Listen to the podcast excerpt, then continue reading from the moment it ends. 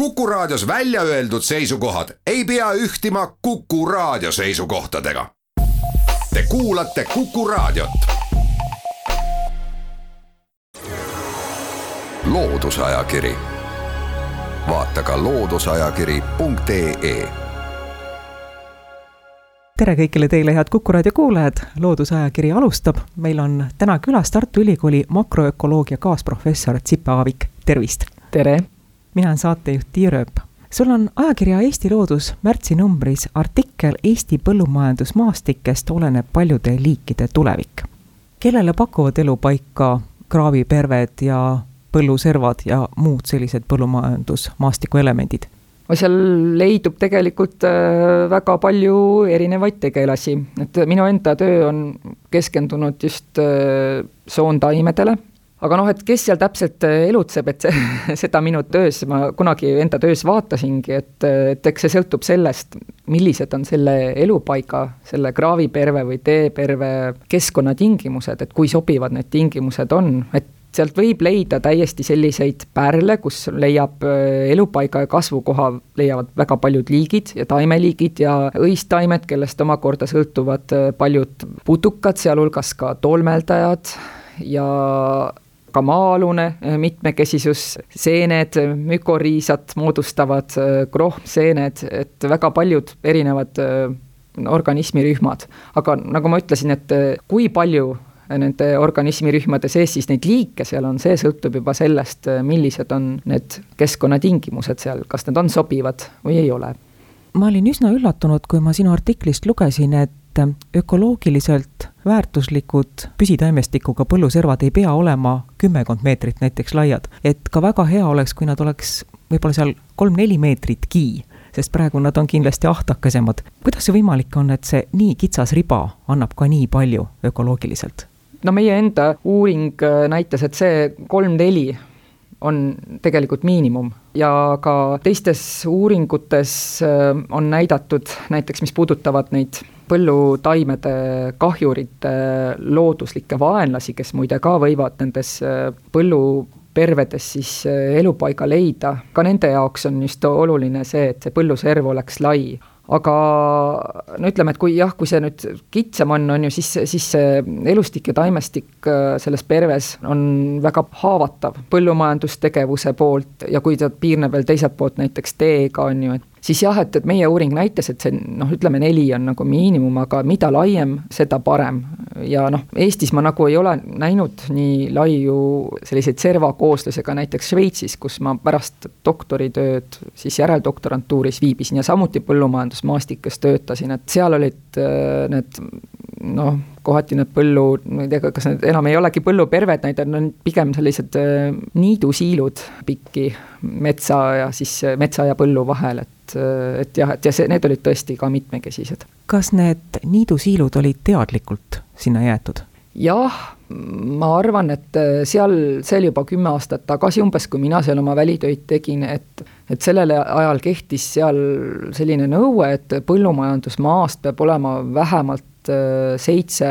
ja võib-olla isegi, et äh, parem oleks kui rohkemgi protsenti selliste maastikuelementide all nagu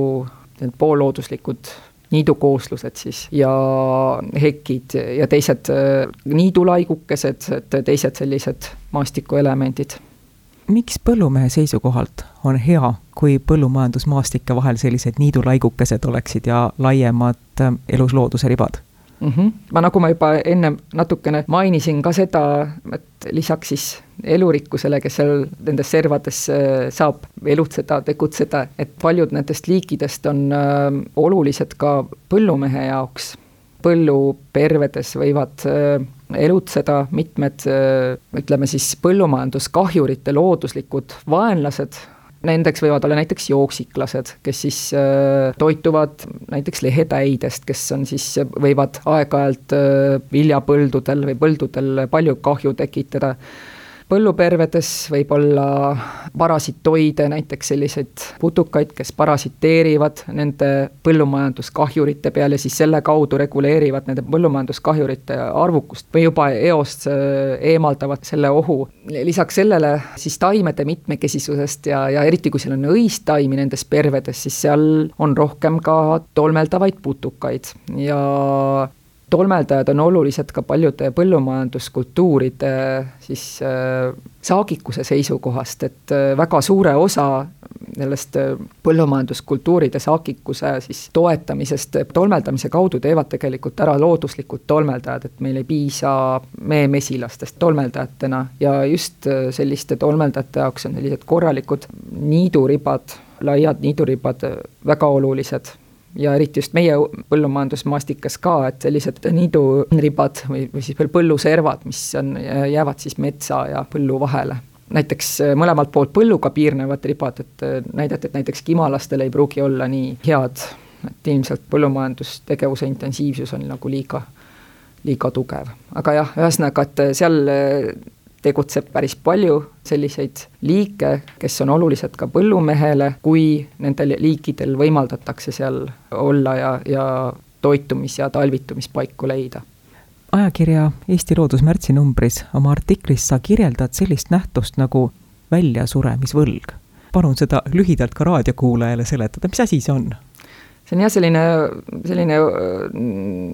sõnapaar, mis võib tekitada kohe väga palju küsimusi. aga see on selline nähtus, kus äh, meil kas siis maastik või keskkonnatingimused on juba muutunud elurikkusele ebasoodsas suunas, aga me näeme siiski selles maastikus või elupaiga laigus äh, veel üsna palju liike, et see võib esineda nii liigilise mitmekesisuse tasandil kui ka näiteks geneetilise mitmekesisuse tasandil, ühesõnaga elurikkus, et, et me näeme elurikkust, küllalt kõrgelt elurikkust mingis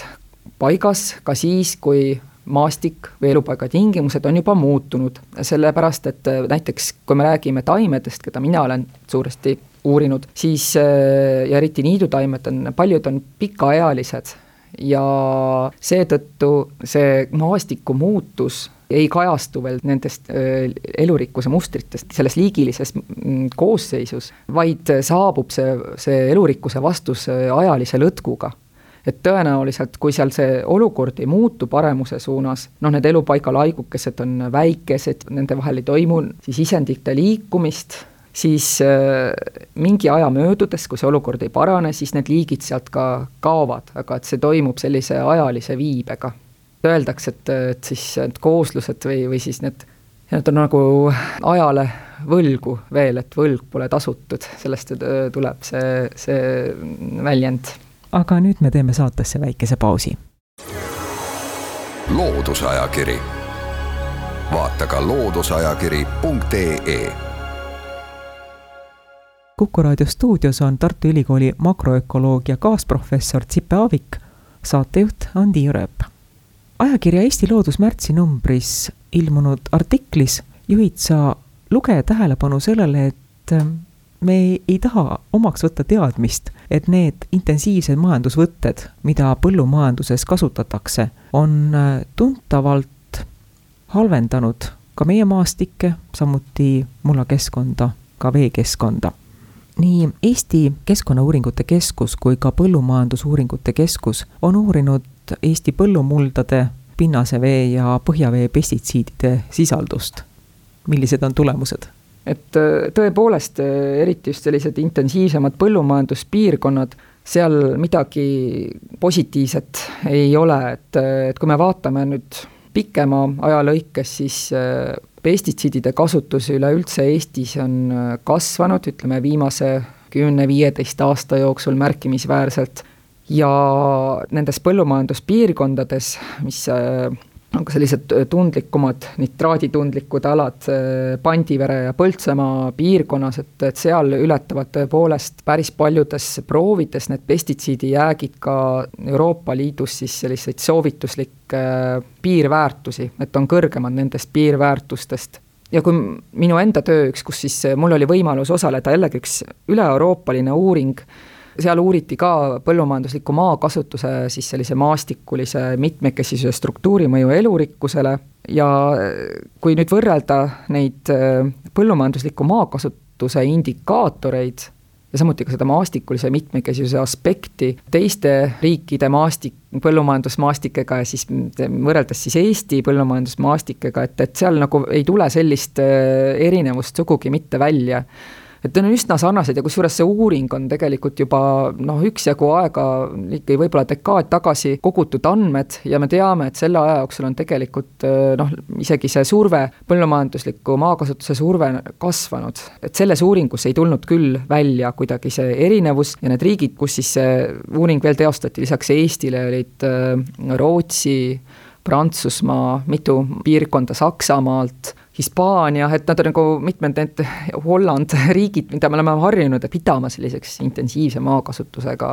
riikideks. aga noh, võib-olla see mulje on nagu selles mõttes ka, mis meil on tekkinud, on, et meie põllumajandusmaa osakaal võib-olla pole nii suur ja meil on veel säilinud poollooduslikke niidukooslusi või pärandniite teisisõnu, aga need on valdavalt Lääne-Eestis ja sellistel väheviljakatel aladel. et äh, need intensiivsemad põllumajandusalad, et nendel aladel kahjuks neid äh, pärandniite praktiliselt säilinud ei ole. et selles mõttes, kui me võtame niimoodi, kus põllumajandusmaa, kus on selline kaasaegne intensiivne põllumajandusmaa, et need, see maakasutus äh, ma ei ütleks, et see kuidagi oluliselt äh, leebem või, või oleks, kui nüüd võtta neid Lääne-Euroopa riike, Kesk-Euroopa riike, et kui põllumees meid kuulab praegu, siis kujutan ette, üsna mitu kohta oli, kus ta oleks hea meelega tahtnud ka sõna sekka öelda, aga tal lihtsalt ei ole seda võimalust, sest tema on kuulaja, ta ei ole koos meiega stuudios. ja talle võib tunduda, et me kritiseerisime teda, kuigi mõnes olukorras on ta sundolukorras, miks ta teeb ühte või teist asja ühte või teistmoodi, mis ei ole looduskeskkonnale kasulik, ökoloogiale kasulik milliseid lahendusi võiksime välja pakkuda? jah, et osalt need protsessid, mida me näeme, see intensiivistumine ühest küljest ja selline tootmise maksimeerimisele suunatud maakasutus, aga ka siis maastike üheülbastumine, et mida ma ennist mainisin, et, et väga oluline oleks hoida seda, mis on need maastikuelemendid, aga paraku olen ma ise ka näinud ikkagi viimastel aastatel jätkuvalt, et need põlluperved kaovad, need küntakse üles äh, mingid sellised mitmekesised sellised väiksed puudesalud põldudelt äh, eemaldatakse et osalt on need ka juhtunud seetõttu, et meie noh, põllumajandus sõltub suuresti toetustest ja siis mida, mida põllumees seal põllu peal teeb, sõltub sellest ka, millised tingimused on seatud, et neid toetusi saada, et äh, vähemalt mõni aeg tagasi oli näiteks äh, kõik sellised puudesalud ja teised sarnased elemendid, need automaatselt arvati toetusalusest põllumajandus siis pinnast välja, lõigati, ütleme nii-öelda kaardikihist välja ja samuti ka noh, põlluservadega sama lugu, et, et nüüd vastata tingimustele, et et ikka see, siis olla toetusõiguslik, siis äh, selles hirmus need äh, selliseid maastikuelemente võib-olla ka künti üles ja, ja hävitati. ja teine äh, lugu on ka no mitmed meie põllumajandustoetused, siis põllumajanduskeskkonna toetused isegi näiteks ei sea mitte mingisuguseid piire pestitsiidide kasutusele, et keskkonnasõbraliku majandamise toetus näiteks, et huvitaval kombel ei ole seal piiranguid, selliseid märkimisväärseid piiranguid pestitsiidide kasutusele. ja noh, võib-olla me elame ka erinevates äh, infoväljades, et, et meie, kes me loeme rohkem sellist, ütleme, põllumajandus, ökoloogilist kirjandust, et äh, näeme, millised on need mõjud keskkonnale, näiteks pestitsiidide kasutamise mõjud, samas kui olles ise oma tööde jooksul ka paljusid, paljude põllumeestega suhelnud, et, et ka seal tegelikult on väga erinevaid noh, sellist erinevat suhtumist, et et päris paljud põllumehed ja no au ja kiitus, et, et nad tõesti lähevad ja vaatavad põllule ja panevad ainult vajaduspõhiselt näiteks pestitsiide, on ju, aga on ka neid ma ei tea, kas see on ka puudulik agronoomiline haridus või et nad panevad nagu igaks juhuks pestitsiide turustav äh, ettevõte on ette näinud, et tuleb siis seda panna, siis seda, siis tuleb, äh, võiks panna need fungitsiid ja siis äh, sellel ajal umbes, kui see vili loob pead, et siis, siis võiks panna insektitsiide täide vastu, et noh, et vot nii, nii ongi, on ju, et selles mõttes, et ei paneks igaks juhuks, vaid ikkagi nagu sõltuvalt olukorrale, seda ka ikkagi ka paljud põllumehed teevad, ma olen üsna kindel aga jah, et ja nüüd on need tuuled muutunud, ütleme nii, et, et neid selles mõttes on nagu elu ikka väga paradoksaalne, et kui kümme aastat tagasi neid maastikuelemente digiti siis nendest toetusalustest pindadest välja, et, et noh, need ei olnud soositud, need, need sellised maastikuelemendid, servad ja, ja, ja puudesalud, et nüüd justkui uute tuulte valguses on nad äh, vägagi just olulised, isegi saavad olema, mingi protsent peab olema siis põllumajandusmaast kaetud nende elementidega, et üldse mingisugust toetust saada. selles mõttes nüüd, kui me vahepeal ruttasime siin kõik või noh, rutati neid maastikuelemente võib-olla eemaldama suures hirmus toetusest ilma jääda, siis nüüd justkui tuleks neid tagasi tekitada, aga see on ju tegelikult veel üks asi, miks paar aastat tagasi tehtud uuring Põllumajandusuuringute Keskuse poolt, mitut tuhandet põllumeest äh, küsitleti ja, ja